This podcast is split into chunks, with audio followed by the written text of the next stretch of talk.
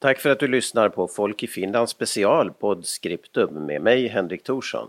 I den här serien diskuterar vi med författare, journalister, konstnärer och kulturarbetare om en rad ämnen utifrån de böcker som kommer ut på förlagen Boklund Publishing och förlaget Scriptum och andra förlag i Österbotten i Finland.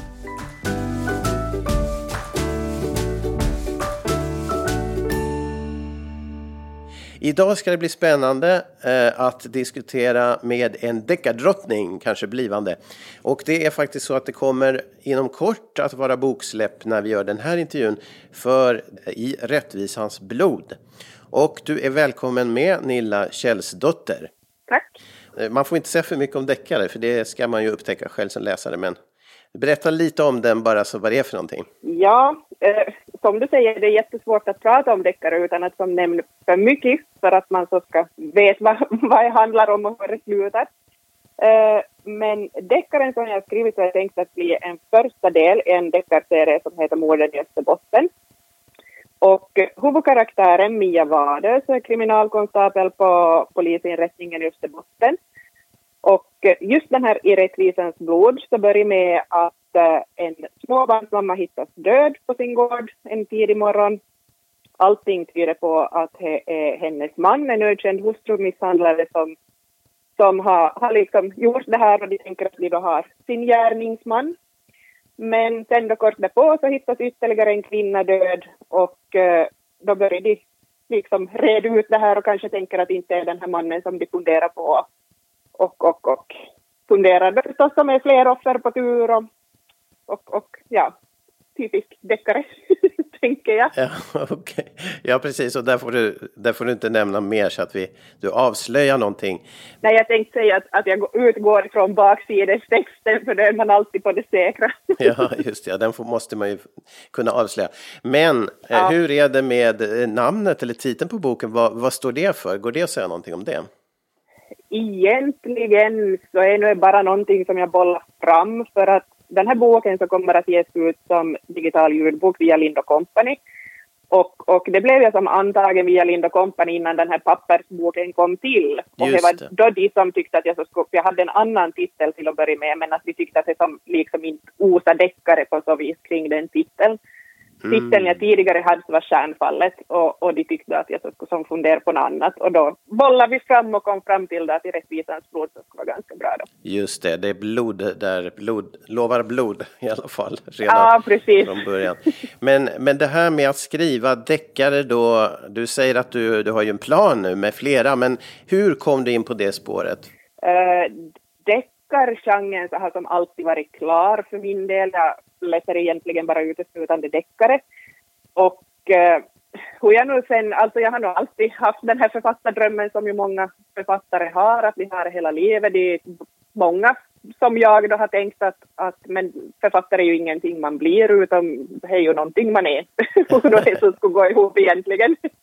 Men eh, varför jag egentligen som tog ett tag i den här drömmen och började skriva så var för att eh, jag hade en blogg där runt tio, tiotalet. Och eh, bloggade mycket och så sen så skrev jag om min, min författardröm i bloggen. Och så visade det sig att min granne som är eh, pensionerad journalist och har varit på Vasabladet hela livet så hade läst min blogg och så sen så skickade han ett meddelande åt mig att hej, att jag läste om din författardröm, att du ska ta itu med det, att, att jag gillar ditt språk och, och liksom att go for it.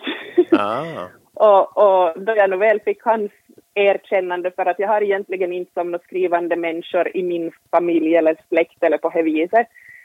Så jag har som aldrig haft, vad ska man säga, alltså det jag har aldrig varit med i några skrivgrupper eller sånt på så vis att jag som inte kommit med i kontakt med att hur man verkligen tar itu med den här författardrömmen. Och, och då nog väl Stig hörde av sig så då, då tänkte jag att, men att om jag nu får hans erkännande så det måste ju betyda någonting. Mm. Och eh, på, den, på den vägen är det då. Berätta vad du, vad du annars gör och vad du har gjort då innan du nu blev författare. Så. Ja, alltså i dagsläget så jobbar jag deltid på en juristbyrå som sekreterare. Eh, men i huvudsak så är jag närstående vårdare åt vår son som i dagsläget är nio och ett halvt, han fyller tio i januari. han har diabetes och har haft det ända sedan han var 11 månader gammal, så sen dess har jag som varit närstående vårdare åt honom, har jag varit som på heltid så att säga. Och eh, jag har även ett eh, långtradarkort i bakfickan, så någon gång nu som då så brukar jag nog köra lite långtradare däremellan, att det finns som i makens familj så att man har möjlighet att fara iväg. Så ja, lite sådär spretigt, gott och blandat. Det var blandat, ja. Men när det gäller den här deckartraditionen då som du blir en del av, finns det en sån tradition som du bygger vidare på eller, eller är det någonting som du nu börjar på med? Jag tänker att Österbotten är en gråzon. Det finns ganska många österbottniska deckare ändå, men inte något riktigt många vad jag vet mm. av. Och, och någon serie så finns det mig veterligen inte. Och det här ut, alltså den här I rättvisans blod så utspelar sig i Österbotten som nu serienamnet säger och utspelar sig i Oravai. Så, och jag tänkte då jag började skriva, till en början så hade jag tänkt att men om jag så ska skriva om någon ort i Sverige, men då var det liksom researchen kring platsen att, att det blev ju jättekonstigt.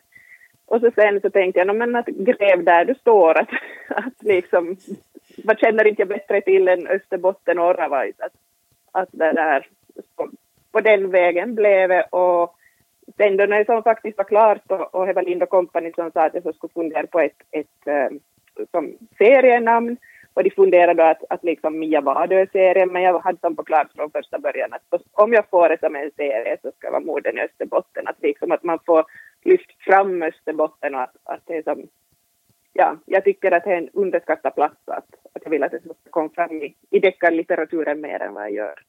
Ja, vad är det med deckare som gör dem bra och vad är det som är spännande med dem och det, varför du också då läser många? Ja, mycket har ju att göra att det finns som det här drivet. Mm. Uh, det beror lite på, alltså det finns ju olika typer av deckare. Att vissa deckare är uppbyggda på det viset att man inte ska veta vem som är, oftast då finns ju en mördare, att vem som är mördaren. Mm. Uh, att man lite får som, ja, att få de här ledtrådarna man så ska kunna räkna ut det själv, men det ska som inte vara en självklar sak förrän riktigt i slutet av boken. Mm. Och uh, men sen så finns det ju också bra deckare som är uppbyggda på det viset att man vet ganska fort att vem som är mördaren, men man vet inte motivet bakom det. Att det kan ju också vara en bra driv i, bo, i en bok, att, att man vill veta att vad är det som har drivit den här människan till det här.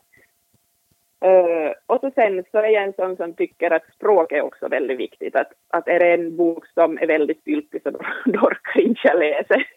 så, så nu får vi ju se då liksom hur bra jag nu lyckas själv. Men, men, men ja, förhoppningsvis så ska det väl någon läsa. Eh, det här med att du har läst eh, många deckare och sen så ska du då skriva själv. Hur var den?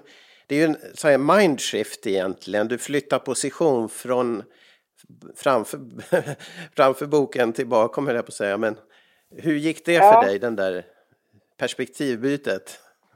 Alltså fast jag säger att inte jag som har skrivit tidigare förrän Stig hörde av sig så är det klart att jag har skrivit och liksom påbörjat mycket eh, själv innan han hörde av sig men man har som inte haft det här självförtroendet att slutföra. Mm. Så att den här berättelsen så är ju någonting som jag har burit på ganska länge och liksom ja, jobba fram ihop så att säga. Att det är klart att det är ett visst moment vi får i papper men, men ja, vad ska jag säga har kommit väldigt naturligt allting. Att det är liksom, är det här jag vill och då drivs man vidare. Att, att vill man någonting riktigt mycket så hittar man en lösning så att säga. Mm.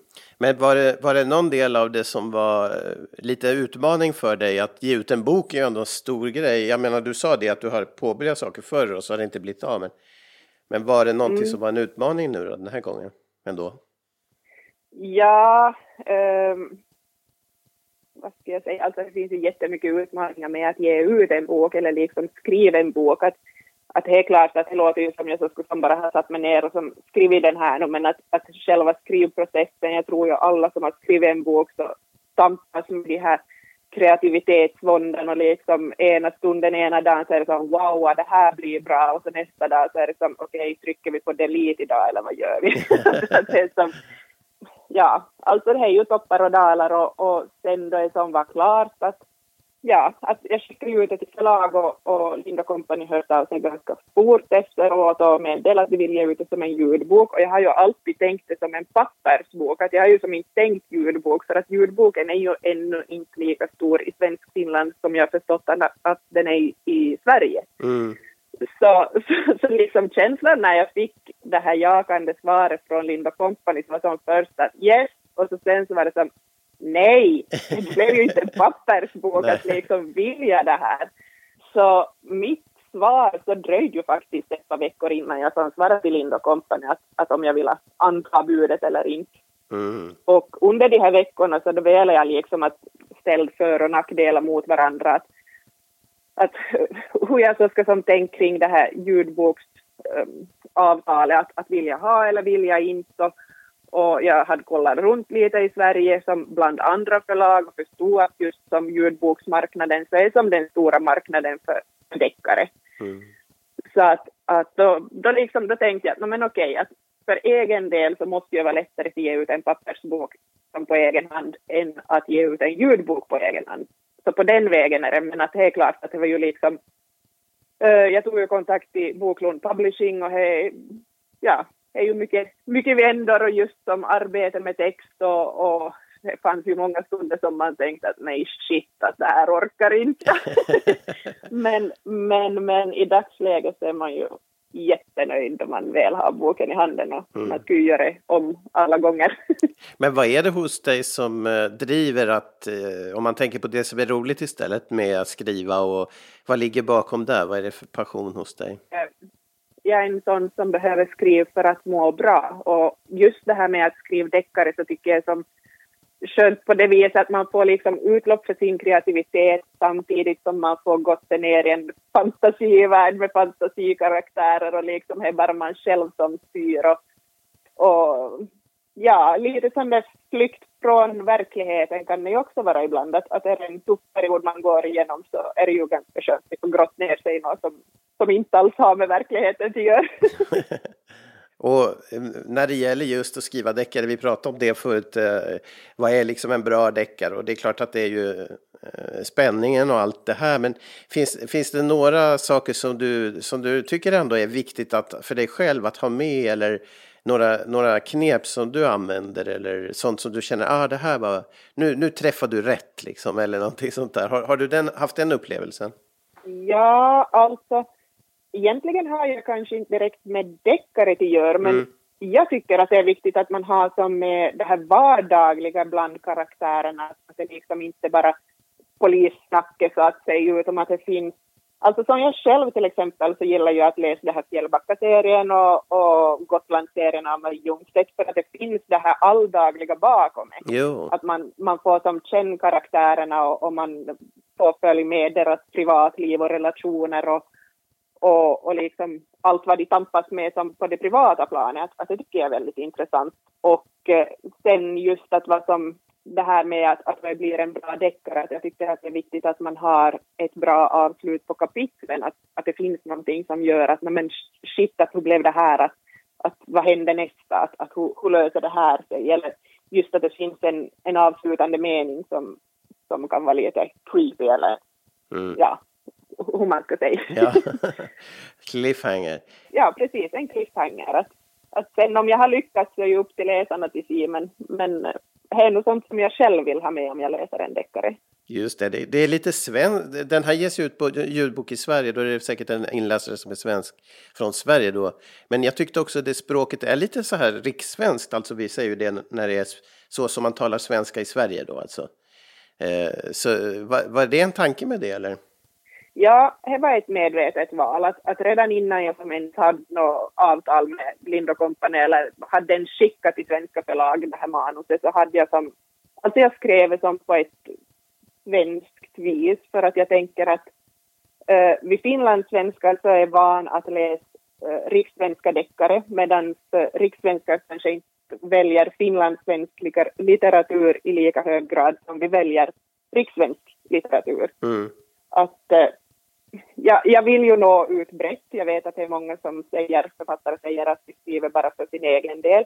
Och det gör jag också för att jag skriver för att som själv må bra och få utlopp för min kreativitet. Men samtidigt vill jag ju också bli läst. Det ska jag ju inte sticka under stol med. så nu, nu var det ju ett medvetet val att ha med till exempel fika.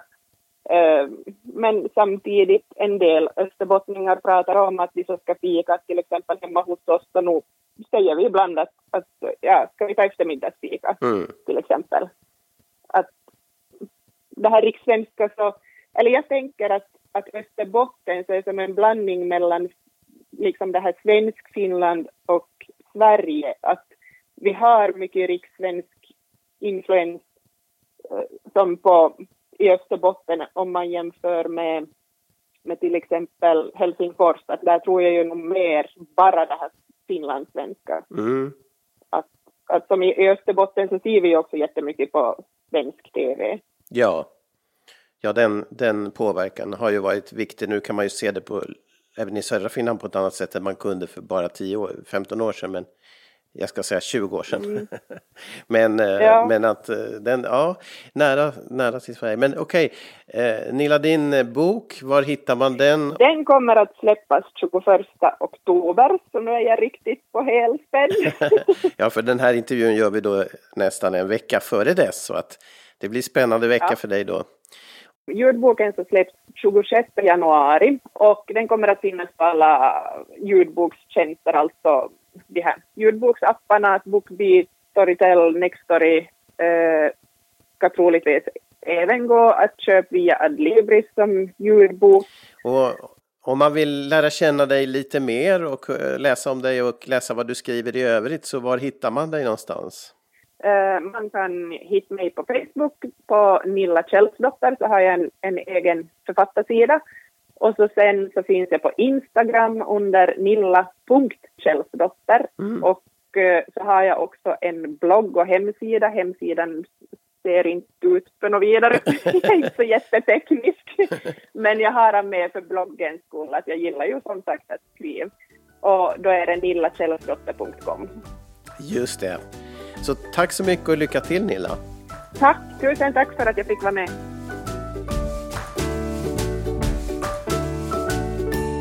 Du har lyssnat på Podscriptum, podcasten om böcker, författare och intressanta ämnen från förlaget Scriptum och förlaget Boklund Publishing i Österbotten i Finland.